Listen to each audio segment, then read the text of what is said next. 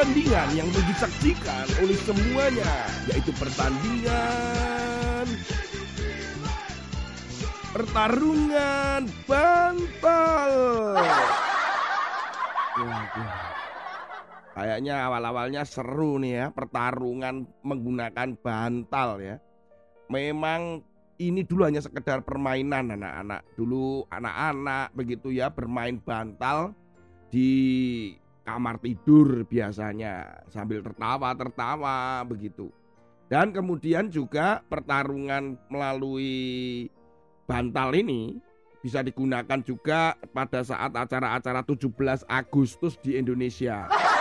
Wah, kalau itu biasanya ada di dekat sungai begitu ya, di tengah sungai.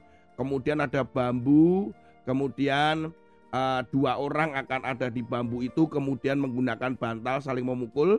Siapa yang jatuh duluan atau masuk ke sungai, ya itulah dia yang kalah, gitu kan? Kak Tony juga pernah bermain ini di kolam renang anak-anak ya.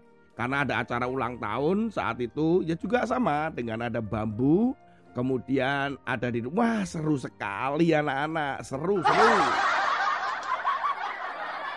Tetapi bisa nggak sih ya hal-hal seperti itu mengakibatkan rasa jengkel dan benci terus akhirnya sampai bertarung berkelahi sungguh-sungguh setelah bermain? Ya mungkin saja dong. Ternyata adu bantal ini sudah menjadi ajang internasional anak-anak. Dan ini dilakukan beberapa waktu lalu di Florida, tepatnya di Toyota Center Amerika Serikat.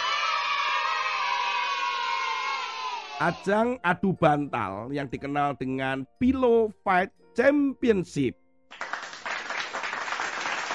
Ini menjadi sebuah pertandingan profesional pertama yang dimulai pada tanggal 29 Januari 2022 kemarin. Dan sekarang menjadi ajang internasional anak-anak. Pukul-pukulan dengan bantal. Pertandingan internasional ini diikuti oleh orang-orang yang memang profesional. Mereka atlet-atlet. Tapi tidak menggunakan bambu. Mereka ada di sebuah arena dan pertandingan ini berjalan dalam tiga ronde. Pemenangnya akan mendapatkan uang 5000 US dollar atau sekitar 72 juta rupiah. Dan dibagi dalam dua kelas. Saat ini masih sementara yaitu hanya laki-laki dan perempuan.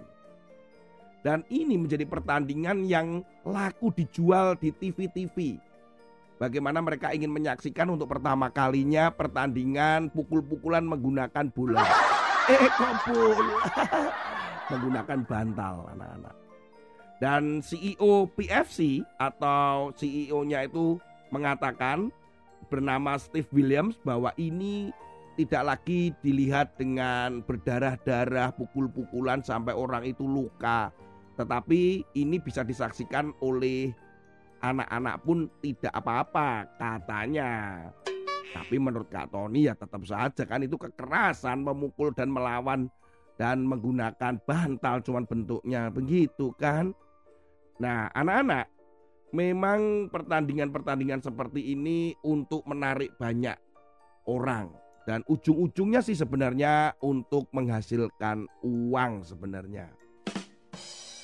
Bagaimana? Kalian mau tertarik untuk ikut atau latihan dulu dengan bantalmu yang di rumah? Firman Tuhan hari ini kita ambil di dalam Amsal pasal 17 ayat yang pertama. Lebih baik sekerat roti yang kering disertai dengan ketentraman daripada makanan daging serumah disertai dengan perbantahan. Pernahkah kalian itu bertengkar karena berebut makanan? Wah, berebut snack, berebut, wah ini, ini punyaku, ini kacangku, ini wah. Kemudian sampai akhirnya pukul-pukulan dan bertengkar. Atau ketika di meja makan, lihat dagingnya tinggal satu, ayamnya tinggal sepotong, wah ini punyaku, punyaku, dan akhirnya bertengkar di situ. Karena dikatakan demikian di dalam ayat ini, Bisa saja loh terjadi pertengkaran atau perbantahan karena di dalam rumah itu sedang berebut makanan. Waduh, mengerikan sekali kan. Tapi firman Tuhan hari ini mengatakan bahwa yang namanya pertengkaran, perbantahan itu Tuhan tidak suka. Makanya dikatakan lebih baik sekerat roti kering disertai dengan ketentraman. Wah roti kering itu apa? Enak ya Kak Tony ya. Ya mungkin nggak seenak daging lah. Tetapi yang penting kan damai. Yang penting adalah sukacita. Sehingga tidak perlu sampai pukul-pukulan dengan bantal karena berebut ayam ataupun daging. Jangan, jangan. Itu nggak bisa. Nah, oleh karena itu anak-anak, apa sih yang membuat terjadinya kekacauan, terjadinya perbuatan-perbuatan jahat? Firman Tuhan katakan di dalam Yakobus pasal yang ketiga ayat yang ke-16. Sebab di mana ada iri hati dan mementingkan diri sendiri, di situ ada kekacauan dan segala macam perbuatan jahat. Nah, ketahuan kan? Jadi kalau ada kekacauan, ada pertengkaran, ada perbuatan jahat, itu ada dua hal yang harus kalian perhatikan. Jangan-jangan ada iri hati. Kalian ingin ini, ingin itu, ingin menguasai ini, ingin lebih banyak. Wah, itu iri hati. Kok di sana kok lebih banyak dari aku? Yang di sini kok eh, lebih bagus dari punyaku? Nah, seperti itu. Atau mementingkan diri sendiri. Pokoknya untuk aku. Semuanya untuk aku. Kesenanganku, kepuasanku. Pokoknya aku harus hebat, aku harus kuat. Nah, dari dua hal ini, iri hati dan mementingkan diri sendiri, firman Tuhan yang ditulis oleh Yakobus dikatakan bahwa di situ ada kekacauan. Juga di sana ada perbuatan jahat. Itu masalahnya. Jadi anak-anak perhatikan dua hal ini. Bawalah damai di rumahmu. Kalau ada kesempatan untuk bertengkar, hindari pertengkaran. Ada kesempatan untuk berkelahi, berdamailah. Ada kesempatan untuk saling mengolok, mengalahlah.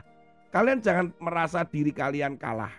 Bahwa orang yang bisa menguasai dirinya di situ sebetulnya orang ini mengalahkan seperti lebih daripada mengalahkan sebuah kota. Jadi kendalikan dirimu, sabar dan tetap lemah lembut.